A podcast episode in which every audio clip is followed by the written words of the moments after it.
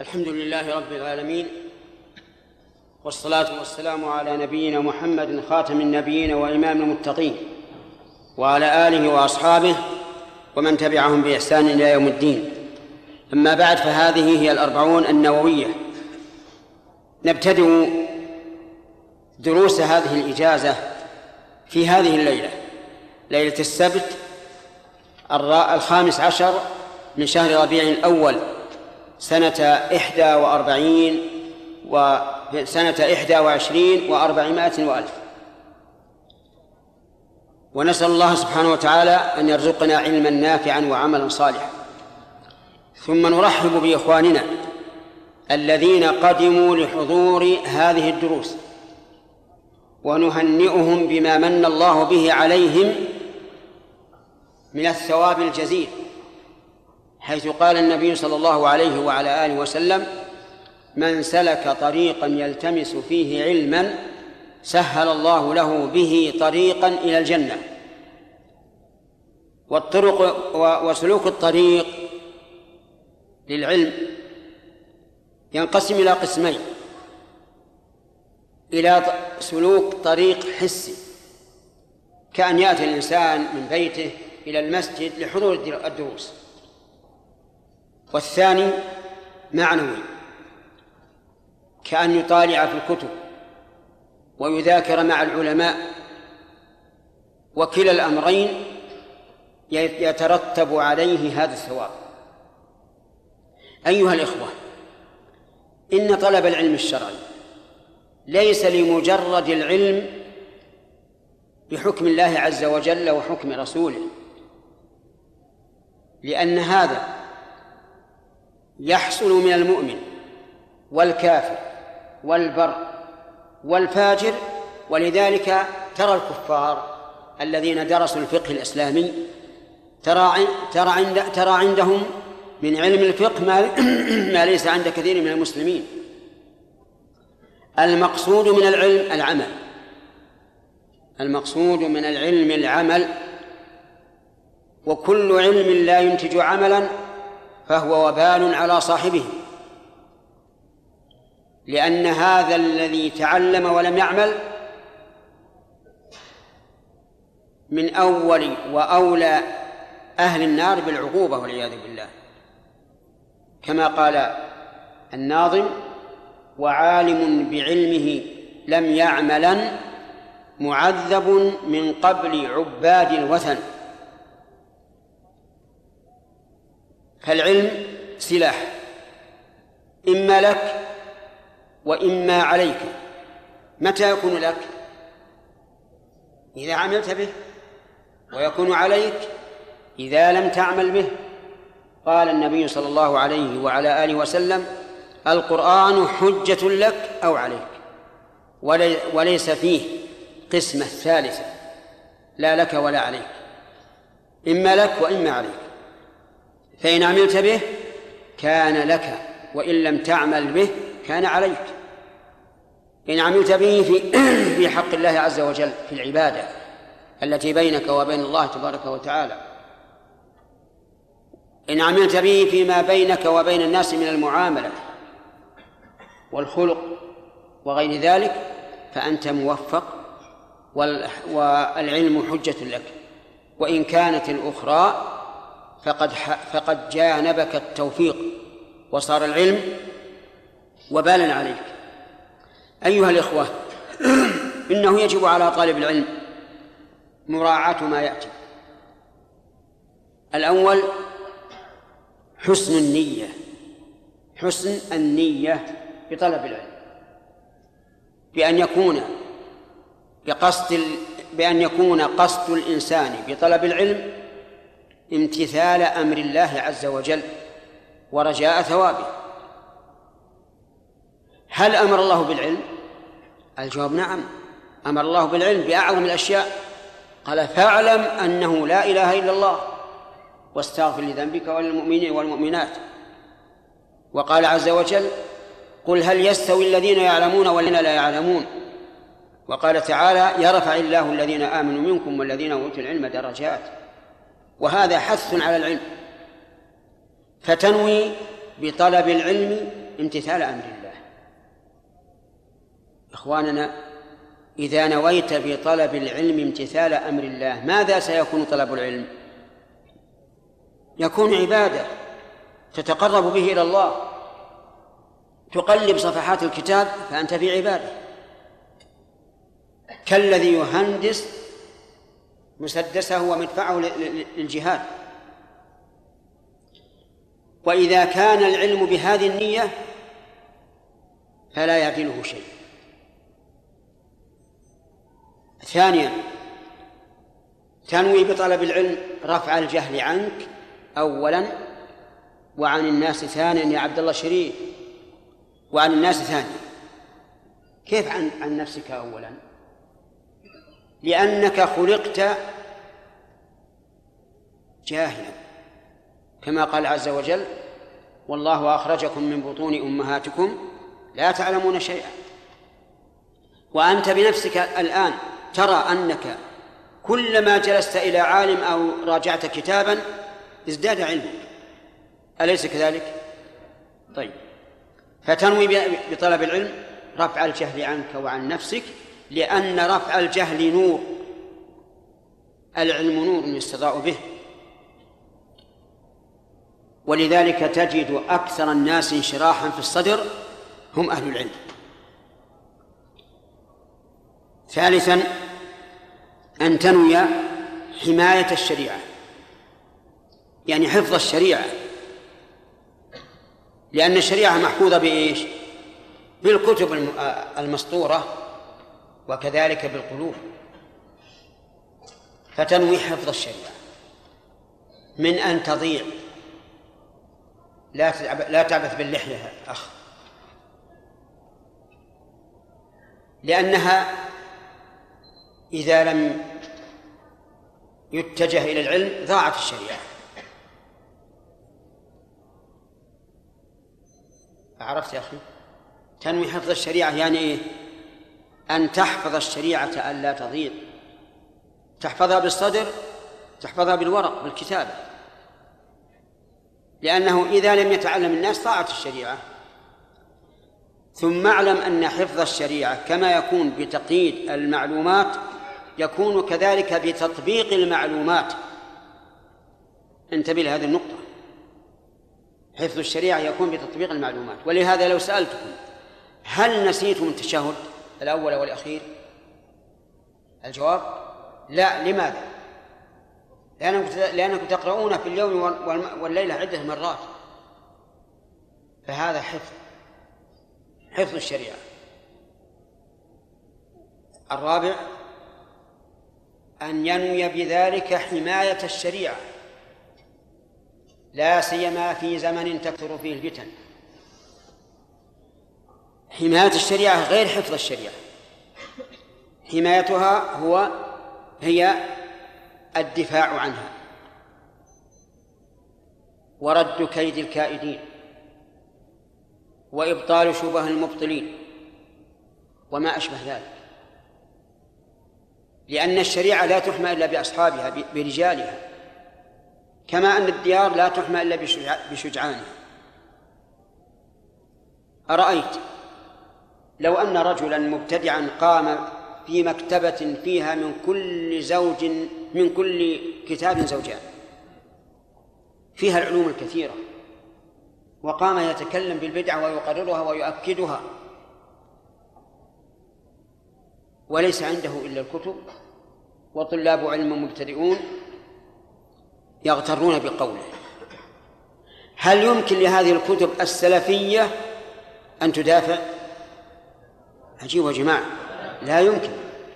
لكن لو كان هناك طالب علم أمكن أن يدافع.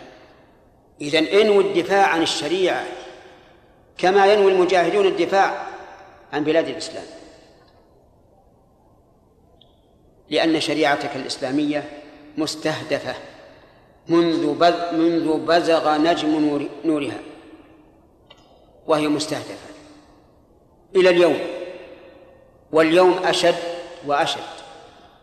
ليش؟ لأن الدول المتحضرة وهي المتخلفة في الواقع تخاف من الإسلام خوفا شديدا. ولهذا يذكر عن بعض زعمائهم أنه قال لما فتت الله الاتحاد السوفيتي قال الآن استرحنا من الشيوعية. لكن بقي علينا العدو الأكبر ألا وهو الإسلام. ولذلك الآن تجدون حمايتهم للنصارى ومساعدتهم ضد المسلمين وكذلك مساعدة مساعدة اليهود. هذا شيء يعرفه من تتبع الأخبار. وهم يبثون سمومهم في الأمة الإسلامية من كل ناحية تارة بالشبه وتارة بالأخلاق وتارة بالمعاملات الربوية والميسرية وما أشبه ذلك. الناس اليوم في حماية في ضرورة لحماية الشريعة. فهذه ستة أشياء كلها تدور حول إيش؟ الإخلاص في طلب العلم. قال الإمام أحمد رحمه الله العلم لا يعدله شيء لمن صحت نيته. شوف لا يعدله شيء أي شيء لمن صحت نيته قالوا كيف يا أبا عبد الله؟ قال ينوي رفع الجهل عن نفسه وعن غيره. وهذا جزء من من من إخلاص النية. هذا هذا واحد. أن ينوي بطلب العلم إيش؟ إخلاص النية ويتضمن كل الأشياء الستة هذه. طيب. ثانيا أن يعمل بعلمه على طلب طالب العلم أن يعمل بعلمه لأن هذا ثمرة العلم. وهو الآن قد أمسك بالحجة. إما كمل إما له وإما عليه. فليعمل.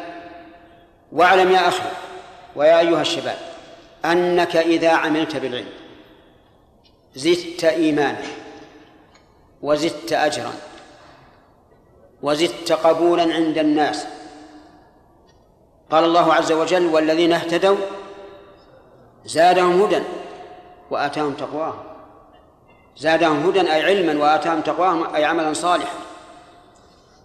كلما عملت بالعلم وفرحت بالمسألة تعرفها من كتاب الله وسنة رسوله ثم عملت به بها ازددت علما وإيمانا وقبولا عند الناس. وفكاك من الإثم. اعمل بالعلم.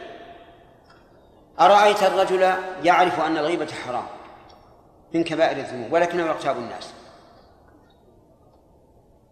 هل انتفع هل انتفع بعلمه؟ أجيب يا جماعة. لا إذا علمه ضرر عليه. لابد أن تعمل بالعلم. أسأل الله أن يرزقني وإياكم علما نافعا. وإلا خسرت. وفقدت فائدة العلم. إذا عملت بعلمك صرت موثوقا عند الناس. صرت موثوقا عند الناس. وقبل الناس منك. وعرفوا أن دعوتك صحيحة. وأنك تفعل ما تقول. وهذا شيء مشاهد. لو أن رجلا حذر الناس من إسبال الثوب. من إسبال الثوب وهو مسبل ثوبه. جاء بالأدلة والنصوص البينة الواضحة. وقبل الناس النصوص. لكن هل قبولهم لها كقبولهم إياها من رجل مستقيم؟ أنا قلت ملتزم غلط. لأن لأن كلمة ملتزم عند الناس يعني مستقيم غلط. لا تقل فلان ملتزم قل فلان مستقيم لتوافق الكتاب والسنة. قال الله تعالى إن الذين قالوا ربنا الله ثم استقاموا ولم يقل ثم التزموا. وقال رجل للنبي صلى الله عليه وسلم قل لي في الإسلام قولا لا أقول له لا أسأل عنه أحدا غيرك. قال قل آمنت بالله ثم استقم. أقول هل يقبلون من هذا الرجل الذي حذر من إسبال الثوب وهو مسبل؟ كقبولهم من رجل حذر من إسبال الثوب وهو لا يسبل. الجواب؟ لا. فإذا أردت أن تنجو بعلمك من إثمك وأردت أن يقبل الناس علمك فاعمل به. حتى تكون أول من يطبق ذلك. ولهذا يا جماعة التطبيق العملي أقوى تأثيرا من القول باللسان. أقوى بكثير. أضرب لكم مثلا أو مثلين. أو ثلاثة. في صلح الحديبية لما قرر النبي صلى الله عليه وسلم أن يتحلل لأن المشركين صدوا رسول الله صلى الله عليه وسلم عن إتمام العمرة فقرر أن يتحلل. أمر الناس أن يحلقوا. أمرهم أن يحلقوا. ويتحللوا. لكن صار في نفوسهم شيء. ترددوا لعلهم يرجون أن ينسخ الأمر. لأن النبي صلى الله عليه وسلم أحيانا يأمر بالأمر ثم إذا رجع فيه أمر بغيره. فغضب عليه الصلاة والسلام. دخل على أم سلمة ووجدته متغيرا. أم سلمة زوجته. وكانت من أعقل النساء. وسألت وش اللي غيرك؟ قال أمرتهم أن يحلقوا ولم يفعلوا. أو كلام هذا معناه قالت أتريد أن يفعلوا؟ قال نعم. قالت أخرج. أخرج إليهم الآن وادعو بالحلاق فليحلقك.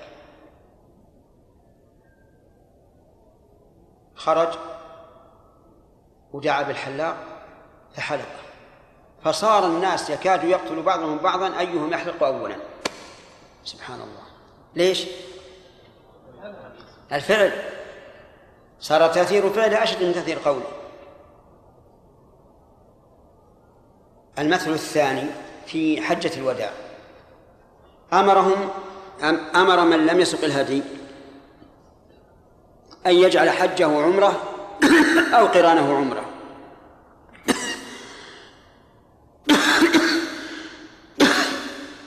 فراجعوه في ذلك.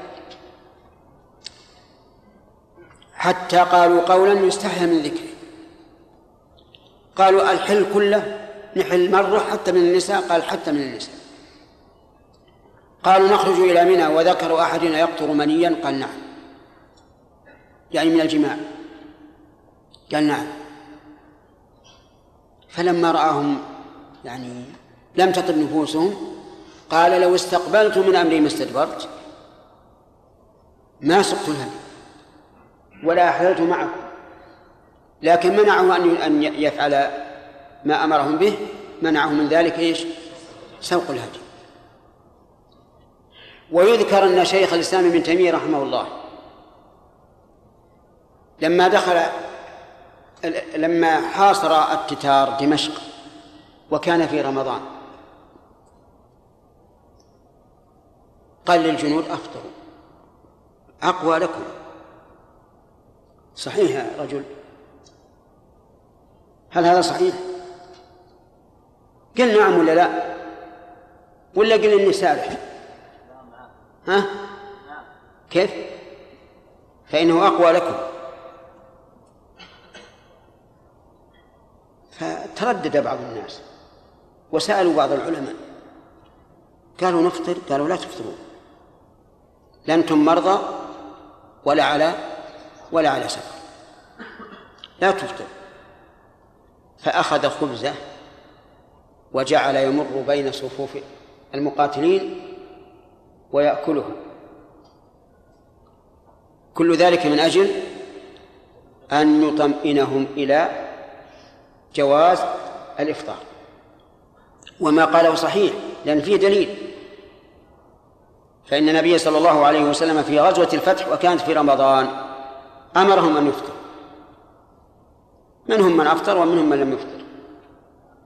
فلما قرب من مكة قال إنكم ملاقوا العدو غدا والفطر أقوى لكم فأفطروا. فجعل السبب إيش؟ التقوي على القتال. المهم يا إخواننا أنكم إذا عملتم بعلمكم صار ذلك أقوى لقبول قولكم وأكثر أشد وأشد طمأنينة لقبوله. وإلا سينقص قبول الناس لكم بقدر ما نقصتم من العمل بعلمكم. اجتهدوا. لا تقول حفظنا المثل الفلاني والمثل الفلاني والمثل الفلاني. هذا طيب ولا شك ونحث عليه. لكن الكلام على إيش؟ على الإخلاص والعمل. على الإخلاص والعمل حتى لا تضيعوا قراءتنا في هذه الإجازة إن شاء الله هي هذا الكتاب. الأربعين النووية في المساء. ونرجو الله تبارك وتعالى أن نكمله على خير. في هذه الليلة نقرأ من كتاب الأربعين النووية بسم الله الرحمن الرحيم. الحمد لله والصلاة والسلام على أشرف الأنبياء والمرسلين. أما بعد. نقل المصنف رحمه الله عن أمير المؤمنين أبي حفص عمر بن الخطاب رضي الله عنه. قال سمعت رسول الله صلى الله عليه وسلم يقول إنما الأعمال بالنيات.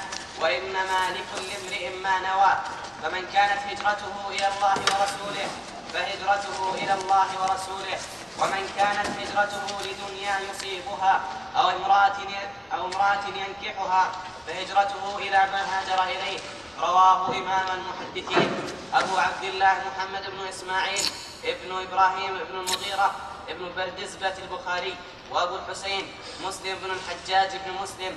القشيري النيسابوري في صحيحهما اللذين هما في صحيحيهما. في صحيحي في صحيحيهما اللذين اللذين هما أصح الكتب المصنفة. بسم الله الرحمن الرحيم. الإمام آه الحافظ النووي رحمه الله من أصحاب الشافعي التي الذين تعتبر أقواله. ومن أشد الشافعية في الحرص على التأليف وألف في فنون شتى في الحديث ومتعلقاته وفي اللغة كما في تهذيب الأسماء واللغات وهو في الحقيقة من أعلم الناس. والظاهر والله أعلم أنه من أخلص الناس في التأليف. لأن تأليفاته رحمه الله انتشرت في العالم الإسلامي. لا تكاد تجد مسجدا إلا ويقرأ فيه رياض الصالحين. وكتبه مشهورة مبثوثة في العالم مما يدل على صحة نيته.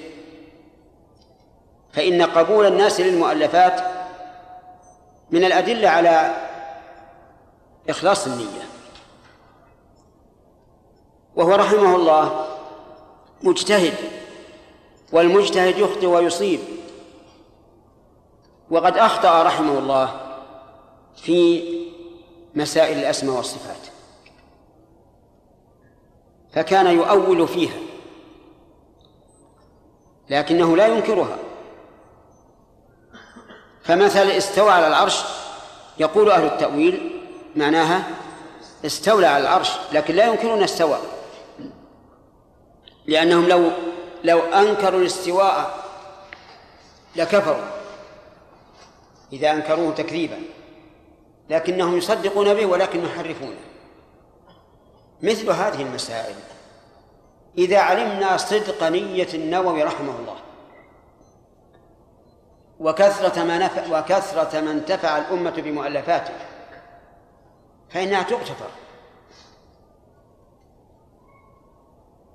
ولقد ظل قوم أخذوا يسبونه سبا عظيما من الخلف الخالفين. حتى بلغني أن بعضهم قال يجب أن يحرق شرح النووي على صحيح مسلم. نسأل الله العافية. فالنووي نشهد له فيما نعلم من حاله بالصلاح وأنه مجتهد وأن كل مجتهد قد يصيب وقد وقد يخطئ. إن أخطأ فله أجر واحد وإن أصاب فله أجر وقد ألف مؤلفات كثيرة من أحسنها هذا الكتاب الأربعين النووية. وهي ليست ليست أربعين بل هي اثنان وأربعون. لكن العرب يحذفون الكسر في الأعداد. فيقولون أربعون وإن زاد واحدا أو اثنين أو نقص واحدا أو اثنين. هذه الأربعون ينبغي لطالب العلم أن يحفظها لأنها منتخبة من أحاديث عديدة وفي أبواب متفرقة. يعني مثلا لو جئنا إلى عمدة الأحكام عمدة الأحكام منتخبة لا شك لكنها في باب واحد باب الفقه. أما هذه فهي في أبواب متفرقة متنوعة. قال الحديث الأول عن أمير المؤمنين عن أمير المؤمنين أبي حفص عمر بن الخطاب رضي الله عنه. قال سمعت رسول الله صلى الله عليه عليه وعلى آله وسلم يقول إنما الأعمال بالنيات أمير المؤمنين هو أبو حفص عمر بن الخطاب. آلت إليه الخلافة في تعيين أبي بكر الصديق رضي الله عنه له. فهو حسنة من حسنات أبي بكر. ونصبه في الخلافة شرعي. لأن الذي عينه من؟ أبو بكر. وأبو بكر تعين بمبايعة الصحابة له في السقيفة. فخلافته شرعية كخلافة أبي بكر. ولقد أحسن أبو بكر اختيارا حيث اختار عمر بن الخطاب رضي الله عنه. يقول إنه سمع النبي صلى الله عليه وسلم يقول إلى آخره وفي قوله سمعت دليل على أنه أخذه من النبي صلى الله عليه وعلى آله وسلم بلا واسطة والعجب أن هذا الحديث لم يروه عن عن رسول الله صلى الله عليه وسلم إلا عمر مع أهميته. لكن له شواهد في القرآن والسنة ففي القرآن وما تنفقون إلا ابتغاء وجه الله. هذا هذه نية. محمد رسول الله والذين معه أشداء على الكفار رحماء بينهم تراهم ركعا سجدا يبتغون فضلا من الله ورضوانا. وهذه نية. وقال النبي صلى الله عليه وسلم لسعد بن أبي وقاص واعلم أنك لن تنفق نفقة تبتغي بها وجه الله إلا أجرت عليها حتى ما تجعله في امرأتك قول تبتغي بها وجه الله هذه نية. فالمهم أن معنى الحديث؟ ثابت بالقرآن والسنة. ولفظ الحديث انفرد به عمر رضي الله عنه لكن تلقته الأمة بالقبول التام. حتى أن البخاري رحمه الله صدر كتابه الصحيح بهذا الحديث. يقول إنما الأعمال بالنيات وإنما لكل امرئ ما نوى. نتكلم أولا على ما فيه من البلاغة. الحديث إنما الأعمال بالنيات فيه من البلاغة الحصر. الحصر وهو إثبات الحكم في المذكور ونفيه عما سواه. الحصر إثبات الحكم في المذكور ونفيه عما سواه. طريقه في هذا الحديث طريق الحصر يعني طريق الحصر إنما لأن إنما تفيد الحصر. فإذا قلت زيد قائم ما في حصر. إنما زيد قائم فيه حصر وأنه ليس إلا قائم. فهذا أداة حصر. وكذلك إنما لكل امرئ ما نوى.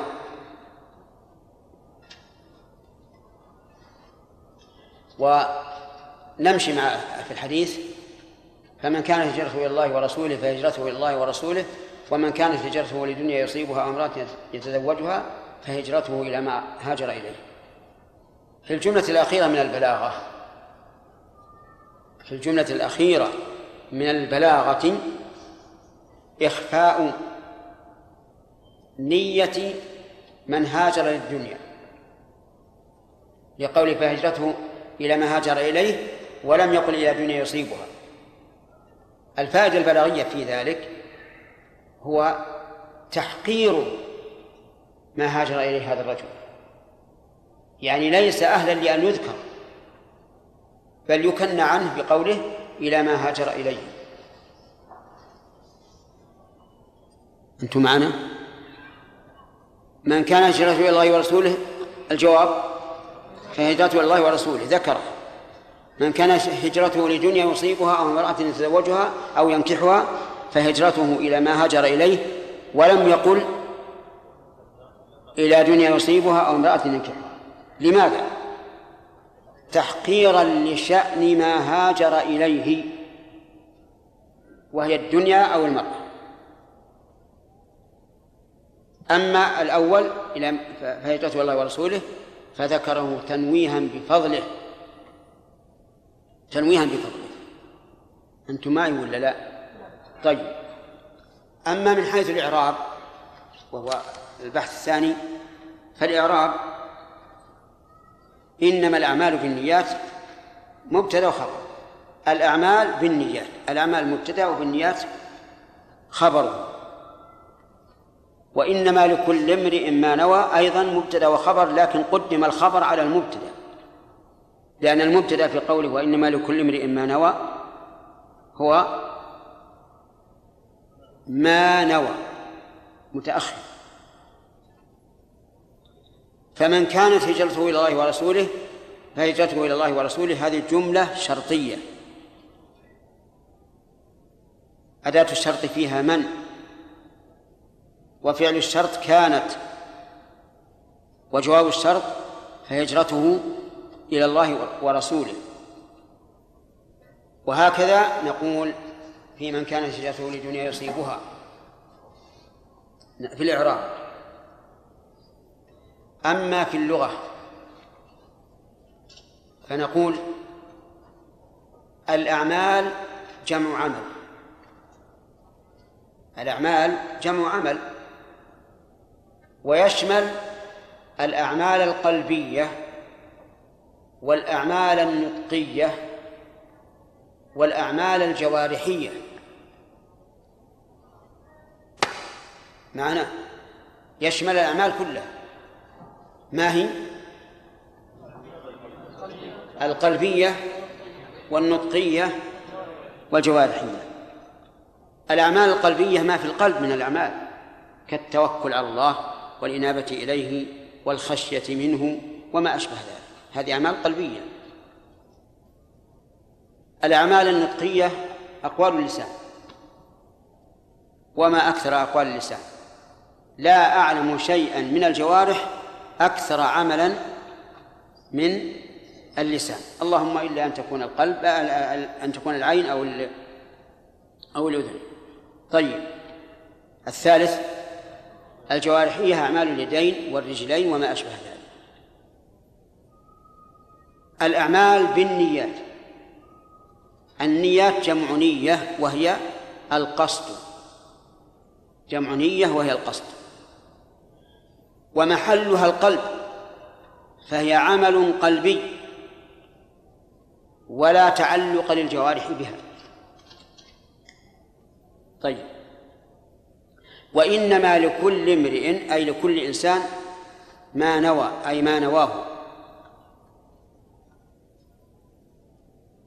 هاتان الجملتان. هل هما بمعنى واحد أو هما مختلفتان؟ الجواب يجب أن نعلم أن الأصل في الكلام التأسيس دون التوكيد. ومعنى التأسيس يعني أن الثانية لها معنى مستقل. ومعنى التوكيد أن الثانية بمعنى الأولى. طيب هذه ننظر. بعض العلماء يقول الجملتان بمعنى واحد. فقد قال النبي صلى الله عليه وعلى آله وسلم إنما الأعمال بالنيات وأكد ذلك بقوله وإنما لكل امرئ ما نوى. هذا قول لبعض العلماء. وبعض العلماء قال إن الثانية غير الأولى. فالكلام من باب التأسيس لا من باب التوكيد. والقاعدة أيها الإخوة الطلبة القاعدة أنه إذا دار الأمر بين كون الكلام تأسيسا أو توكيدا أن نجعله إيش؟ تأسيسا. أن نجعله تأسيسا وأن نجعل الثاني غير الأول. لأنك لو جعلت الثاني هو الأول صار في ذلك التكرار يحتاج إلى أن نعرف السبب. والصواب أن الأولى الثانية غير الأولى. فالأولى باعتبار المنوي وهو العمل.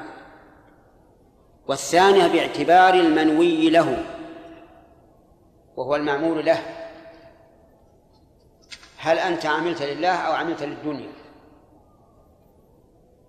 ويدل لهذا ما فرعه عليه النبي صلى الله عليه وسلم في قوله فمن كانت هجرته إلى الله ورسوله فهجرته إلى الله ورسوله. وعلى هذا فيبقى الكلام لا لا تكرار فيه. الجملة الأولى يا محمود. للعمل. والثانية؟ أي نعم. للمعمول له. طيب. الأعمال بالنية. والمقصود من هذه النية تمييز العادات من العبادات. وتمييز العبادات بعضها من بعض. تمييز العادات من العبادات. والثاني تمييز العبادات بعضها من بعض. تمييز العادات من العبادات من العبادات. مثاله الرجل يأكل الطعام شهوة فقط. والرجل الآخر يأكل يأكل الطعام امتثالا لأمر الله في قول كلوا واشربوا. صار أكل الثاني عبادة وأكل الأول عادة. ثانيا الرجل يسبح بالماء تبردا والثاني يسبح بالماء للغسل من الجنابة. يلا.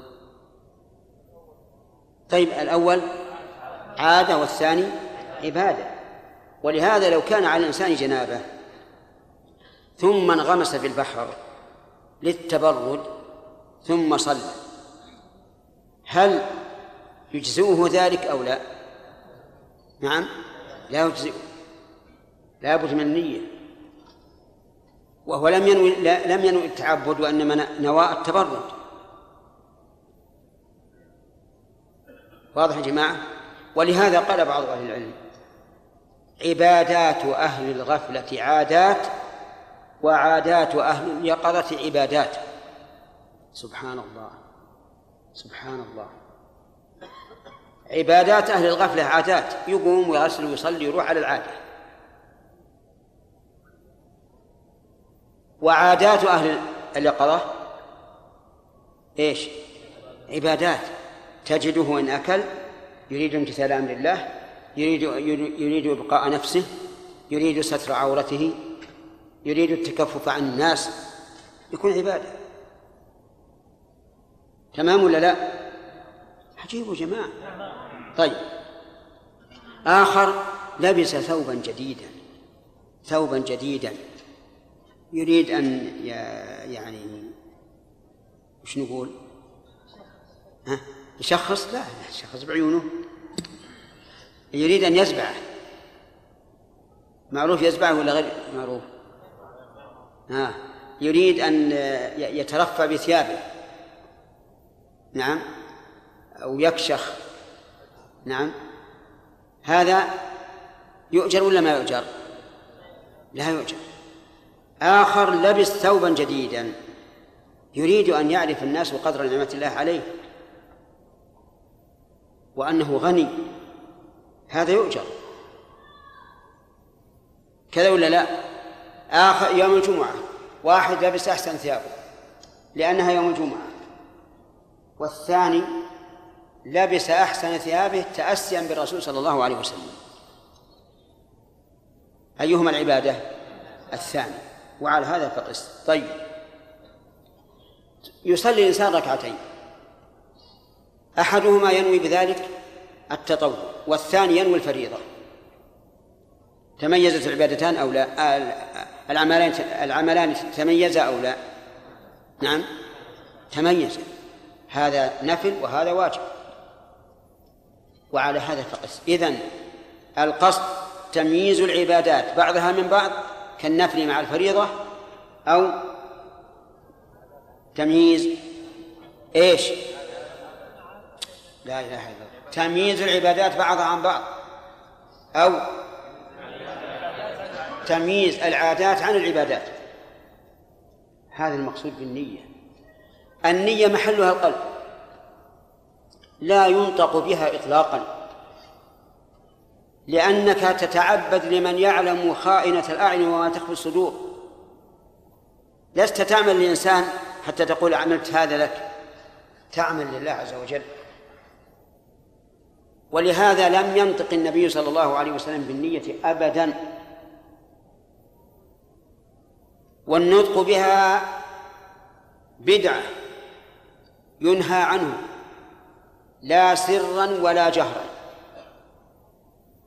خلافا لمن قال من أهل العلم إنه ينطق بها جهرا وبعضهم قال ينطق بها سرا وعللوا ذلك بأن, يطابق اللسان القلب. يكون اللسان طابق للقول للقلب. يقول يا سبحان الله أين رسول الله عن هذا؟ أين الرسول عن هذا؟ لو كان هذا من شر الرسول لفعله هو. وبينه للناس. ويذكر أن عاميا من أهل نجد. كان في المسجد الحرام. وإلى جانبه رجل لا يعرف إلا الجهر بالنية. الرجل النجدي هذا عام ما يعرف شيء. لما أقيمت صلاة الظهر قال الرجل الذي كان ينطق بالنية. قال اللهم إني نويت أن أصلي صلاة الظهر أربع ركعات لله خلف إمام المسجد الحرام. يوم بغى يكبر. بغى يكبر. قالوا هالعام اصبر يا رجل. باقي عليك. قالوا وش اللي بقي؟ قال باقي عليك التاريخ. باقي عليك التاريخ. وش اليوم؟ وش الشهر؟ وش السنة؟ ما حاجة تعلم. طيب إذا قال قائل قول الملبي لبيك اللهم عمره ولبيك اللهم حجا لبيك اللهم عمرة وحجا أليس هذا نطقا بالنية؟ فالجواب لا. هذا إظهارا للشعيرة. إظهارا للشعيرة ولهذا قال بعض العلماء إن التلبية في النسك كتكبيرة الإحرام في الصلاة. يعني إذا لم تلبي ما انعقد إحرامك. كما أن تكبيرة الإحرام لو, لو, لو لم تكبر من عقد الصلاة. فهمت يا أخي؟ إذن قول قول الملبي لبيك عمرة أو حجا أو حج أو عمرة وحجا ليس إلا لإظهار هذه الشعيرة فقط. ولهذا ليس من السنة أن نقول ما قاله الفقهاء رحمهم الله اللهم إني أريد أن نسك العمرة فيسرها لي وإن حبسني حابس فمحلي حيث حبستني. لا تقول هكذا. لأن يعني هذا ذكر يحتاج إلى دليل. ولا دليل. إذن النية لغة القصد. واصطلاحا النية العمل. ومحلها القلب. شوف الخلاصة. والنطق بها بدعة إذن أنكر على من نطق بها أو لا. أنكر عليه. ولكن بهدوء. أقول له يا أخي هذه ما قالها الرسول عليه الصلاة والسلام ولا أصحابه. فدعها. فإذا قال قالها فلان في كتاب الفلاني قلت القول ما قال الله ورسوله.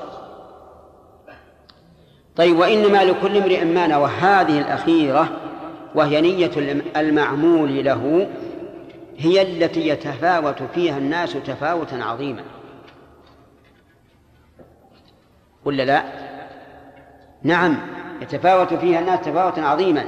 تجد رجلين يصليان بينهما كما بين المشرق والمغرب في الثواب لأن أحدهما مخلص والثاني غير مخلص.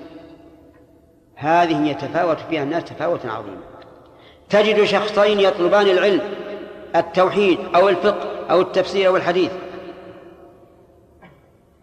أحدهما بعيد من الجنة والثاني قريب منها وهما يقرآن في كتاب واحد وعلى مدرس واحد.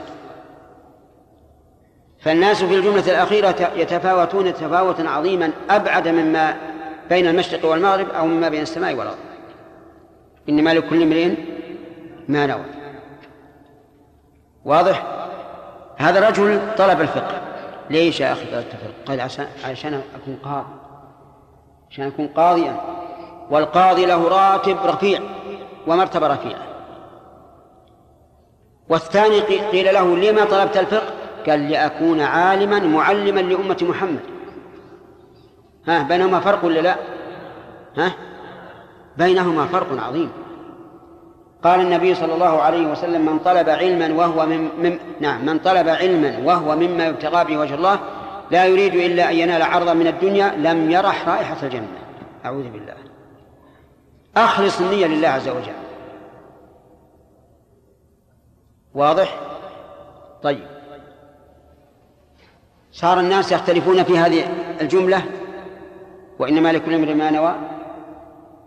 كملوا اختلافا عظيما ويتباعدون تباعدا عظيما. طيب ثم ضرب النبي صلى الله عليه وسلم مثلا بالمهاجر. فقال من كانت هجرته الهجرة هي الترك والمراد بها الانتقال من بلد الكفر إلى بلد الإسلام. هذه الهجرة الانتقال من بلد الكفر إلى بلد الإسلام. وهل هي واجبة أو سنة أو ما أشبه؟ هذا له باب آخر. لكن نريد أن نعرف الهجرة. كهجرة المسلمين من مكة إلى الحبشة أو من مكة إلى المدينة. هذه هجرة. وهي مأخوذة منين؟ من الهجر وهو الترك. من كان هجرته إلى الله ورسوله. فهجرته إلى الله ورسوله. رجل انتقل من مكة قبل الفتح إلى المدينة. يريد الله ورسوله. وش معنى يريد الله؟ يعني يريد ثواب الله. ويريد الوصول إلى الله. كقوله تعالى يا أيها النبي قل لأزواجك إن كنتن تردن الله ورسوله.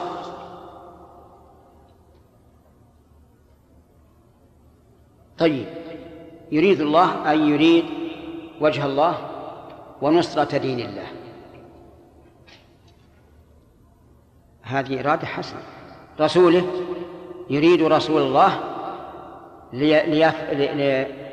ليفوز بصحبته والذب عنه ونشر دينه. فهجرته إلى من؟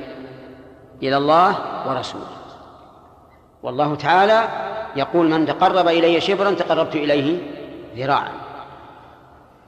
فهو إذا أراد الله فإن الله تعالى يكافئه على ذلك بأعظم مما عمل.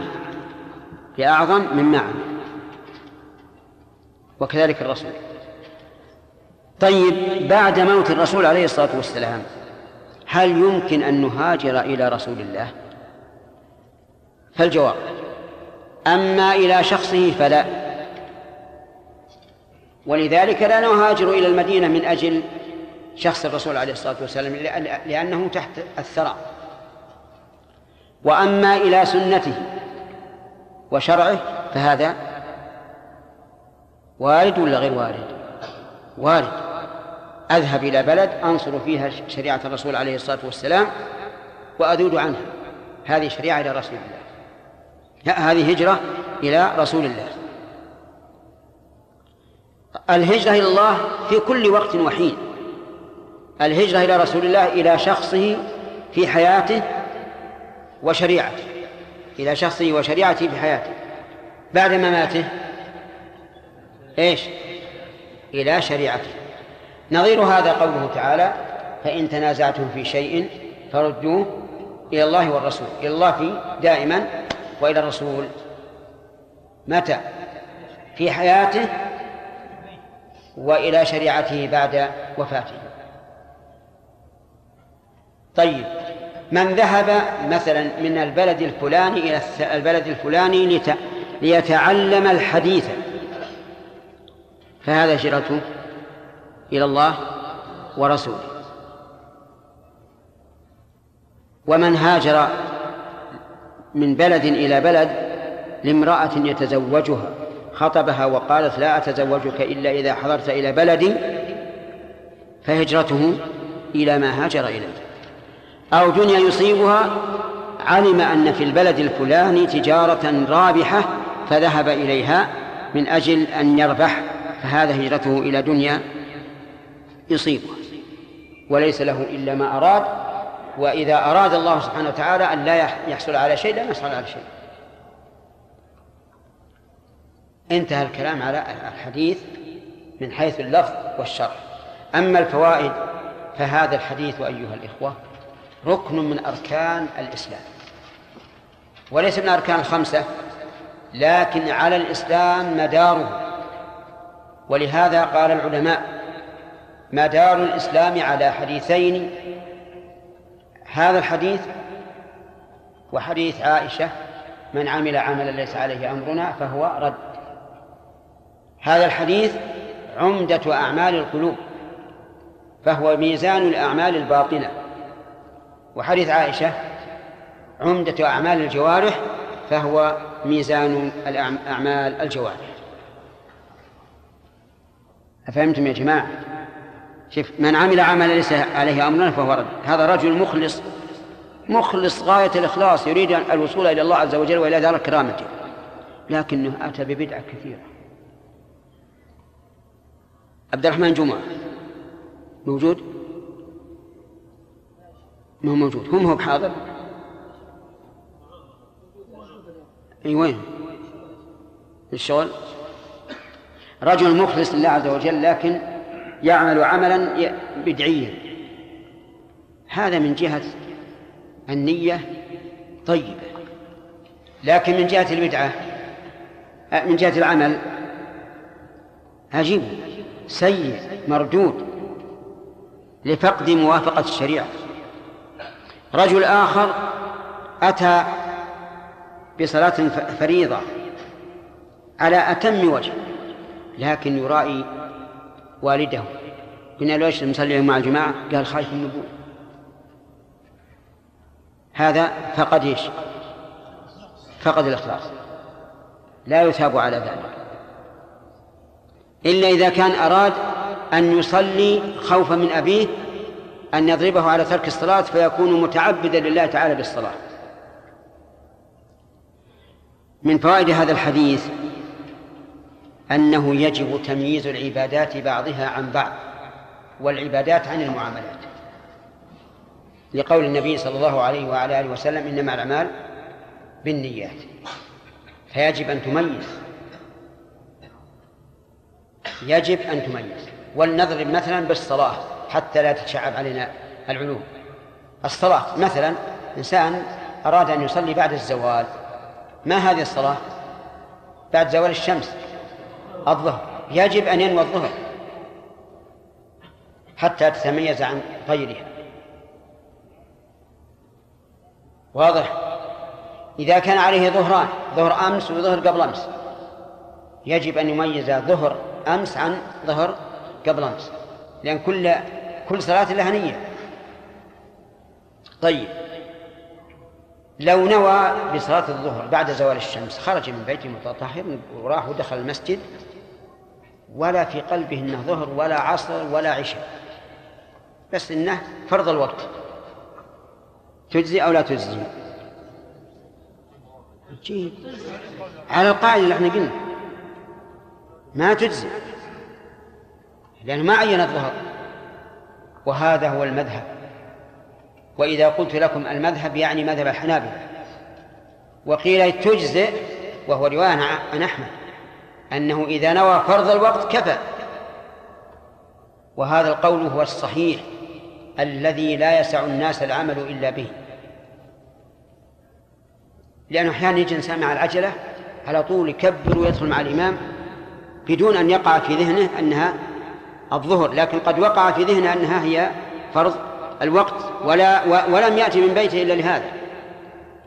فعلى المذهب نقول أعدها وعلى القول الصحيح نقول لا تعيدها وهذا يريح القلب. لأن هذا يقع كثيرا. حتى الإمام أحيانا يسج. يعني معنى يسج؟ لغة عامية هذه. إيش معنى يسج؟ نعم؟ يسرح. بالغنم أو الإبل أو البقر. يلا أنت أجل. أنت قلت يسرح. يسرح بخياله يسرح بخياله إلى وين؟ كل يسرح. طيب. على كل حال يسهل يسهل يسج يعني يسهل وكبر. على أن هذا فرض الوقت. فهذا على المذهب لازم لابد أن يعيد. وعلى القول الراجح لا يعيد. وهو الذي لا يسع الناس العمل إلا به. ومن فوائد هذا الحديث الحث على الإخلاص لله عز وجل. الحث على الإخلاص لله عز وجل. لقوله لأن النبي صلى الله عليه وعلى آله وسلم قسم الناس إلى قسمين. قسم أراد بعمله وجه الله والدار الآخرة وقسم بالعكس. وهذا يعني الحث على الإخلاص لله عز وجل. والإخلاص جدير بالحث عليه. لأنه هو الركيزة الأولى الهامة التي خلق الناس من أجلها. قال الله تعالى وما خلقت الجن والإنس إلا ليعبدون. ومنها مشروعية الهجرة لأنها انقسمت إلى مقبولة ومردودة والمقبولة هي المشروعة وهي كذلك وهو كذلك. فالهجرة سنة مؤكدة وهي الانتقال من بلد الشرك إلى بلد الإسلام. وإذا كان الإنسان في بلد الشرك لا يستطيع أن يظهر شعائر دينه وجب عليه أن يهاجر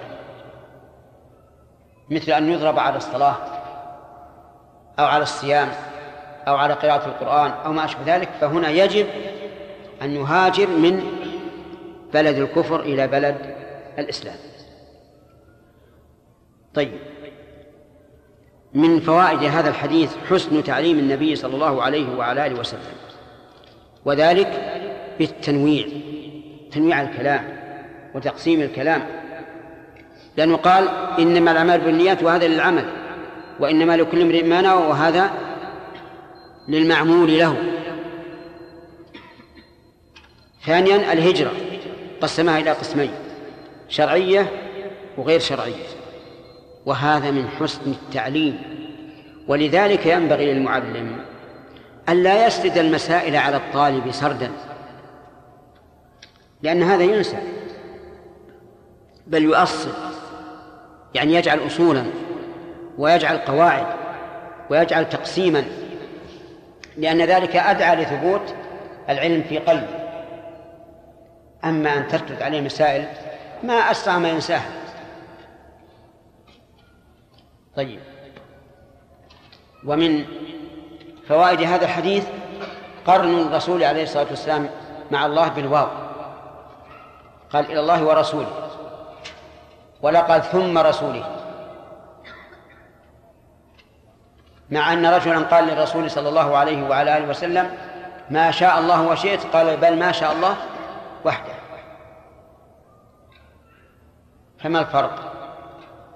نقول أما ما يتعلق بالشريعة فبالواو لأن ما صدر عن النبي صلى الله عليه وسلم من الشرع كالذي صدر من الله. كما قال عز وجل من يطع الرسول فقد أطاع الله. وأما الأمور الكونية فلا يجوز أن يقرن مع الله أحد بالواو أبدا. لأن كل شيء تحت إرادة الله ومشيئته. طيب. صار هذا هو الفرق. فإذا قال قائل هل ينزل المطر غدا؟ قال الله ورسوله أعلم. ماذا نقول؟ غلط ولا ولا خطأ؟ ولا صحيح؟ خطأ. الرسول صلى الله عليه وسلم ليس عنده علم بهذا. إذا قال هل هذا حرام أو حلال قال الله ورسوله أعلم. صحيح ولا غير صحيح؟ صحيح. لأن حكم الرسول صلى الله عليه وسلم في الأمور الشرعية حكم لله. كما قال عز وجل من يطع الرسول فقد أطاع الله. الهجرة من أي الأمور؟ شرعية.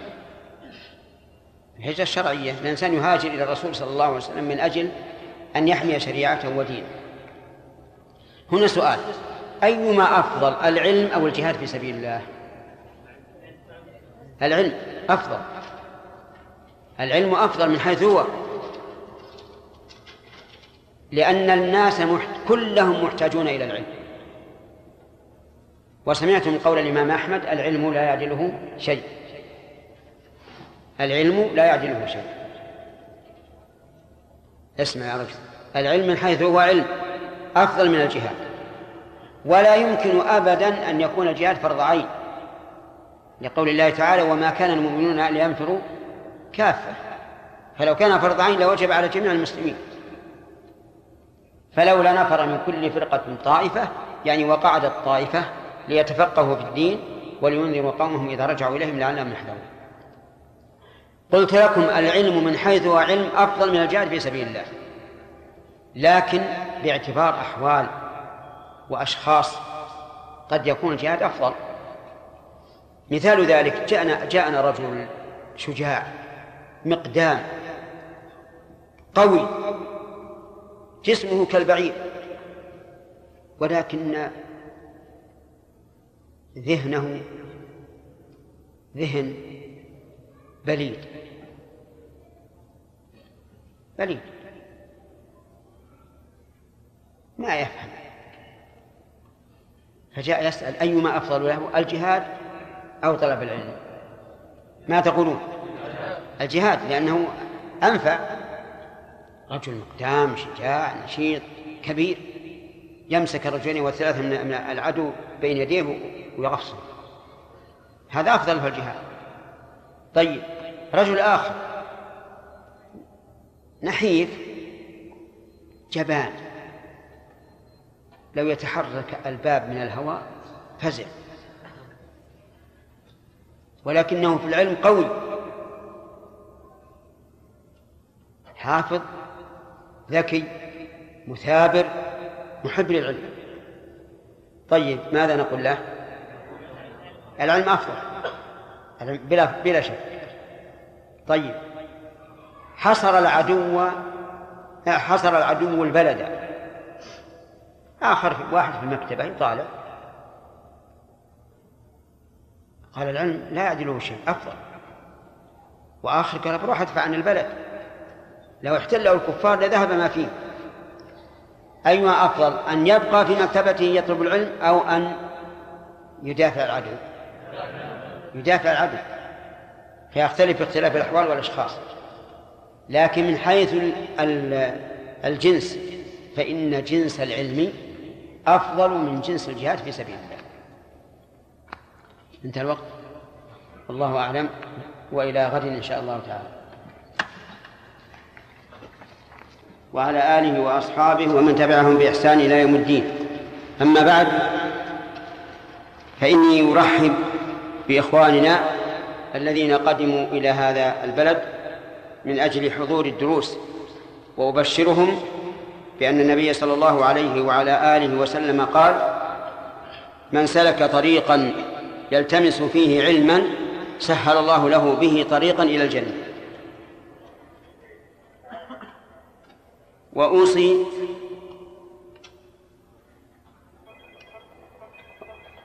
أوصي الجميع بتقوى الله عز وجل في السر والعلانية وأن يكون علمهم هاديا لهم الصراط المست... إلى الصراط المستقيم وأن لا يكون علمهم عليهم وبالا لأن من علم ولم يعمل فعلمه وبال عليه. وأوصيهم أيضا بأن ينشروا علمهم الذي أدركوه بين الأمة لأن الأمة في جهل تحتاج إلى إلى تعليم. وأوصيهم أيضا بالتآلف بينهم وإلقاء المحبة ومن أسبابها إفشاء السلام بينهم فإن النبي صلى الله عليه وعلى آله وسلم قال والله لا تدخلوا الجنة حتى تؤمنوا ولا تؤمنوا حتى تحابوا. أفلا أخبركم بشيء إذا فعلتموه تحاببتم أفشوا السلام بينكم. وأسأل الله عز وجل أن يرزقنا وإياكم علما نافعا وعملا صالحا ورزقا طيبا واسعا يغنينا به عن غيره. نعم نناقش في ما سبق قوله إنما الأعمال بالنيات. ما ما الذي فيه من البلاغة؟ الأخ. أرفع يدك. نعم. فيه من البلاغة الحصر. الحصر إنما تفيد الحصر في الحكم المذكور ما هو الحصر؟ إفادة الحكم بالمذكور دون ما سواه. إثبات الحكم في المذكور دون ما سواه. ما معنى الجملة؟ إنما الأعمال بالنيات. ما معنى الجملة؟ إنما الأعمال بالنيات.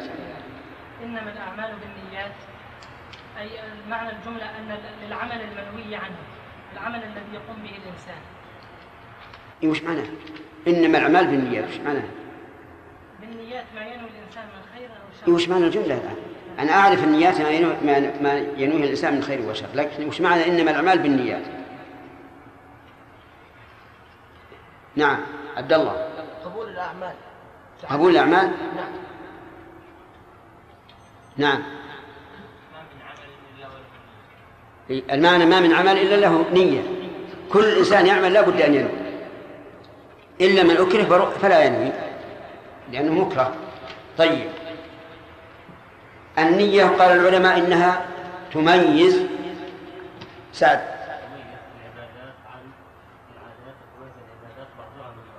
تميز العادات عن العبادات والعبادات بعضها عن بعض. تمام. آه، مثال ذلك سامي. نعم. العبادات تفريق بين تمييز العبادات العادات عن العبادات. مثلا الغسل قد يقع وقد يقع عن واجب كرجل يغتسل. قد يكون تبردا. قد يكون عن مستحب عن واجب. تمام. وقد يكون غير ذلك. كالتنشيط وال- والتنظيف وما أشبه. طيب. إذا كان عن إذا كان للتبرد ولم يقصد به الاستعانة على طاعة هل يكون من العبادات أو من العادات؟ من العادات. طيب. تمييز العبادات بعضها عن بعض أحمد. شخص يريد ان يصلي ان هذه الصلاة صلاة الظهر. نعم. أن ينوي أن يميز صلاة الظهر عن صلاة العصر. أو الفريضة عن عن النافلة. تمام. قوله وإنما لكل امرئ ما نوى. هل هذه الجملة هي الأولى أو غيرها؟ هي غيرها. آه، إلى إلى ما الذي يراد بها؟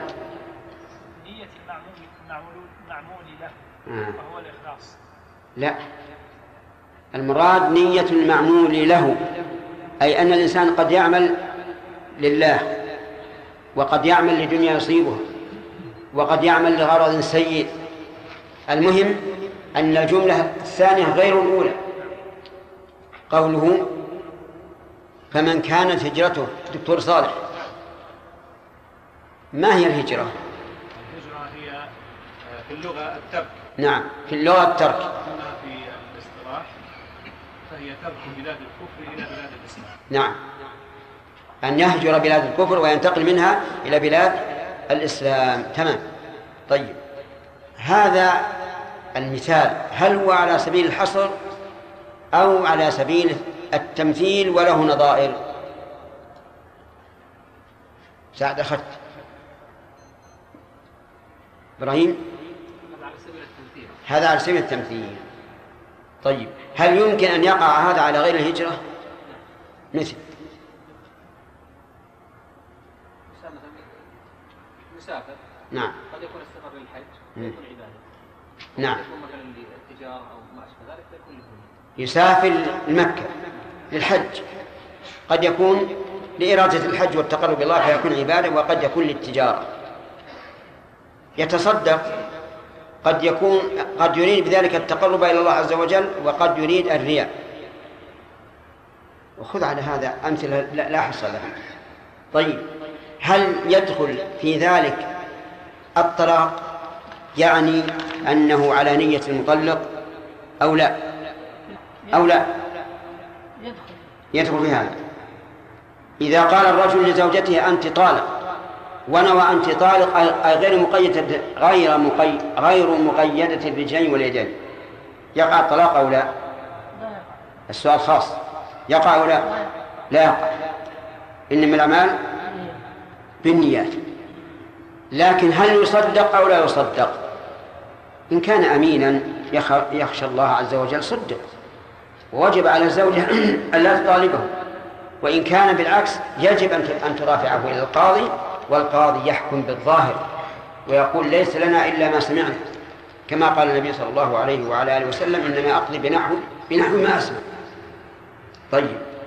المهم يا إخوان هذا حديث عظيم. تنبني عليه كل الأعمال الباطنة التي محلها القلب. طيب. هل يجهر بالنية ليطابق اللسان القلب أو لا؟ الأخ اللي وراء ارفع يدك.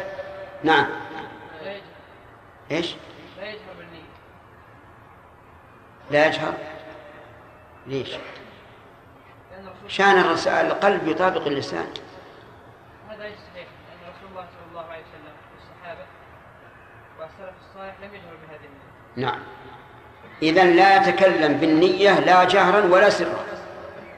لأن ذلك لم يرد عن النبي صلى الله عليه وعلى آله وسلم ولأن النية محلها القلب.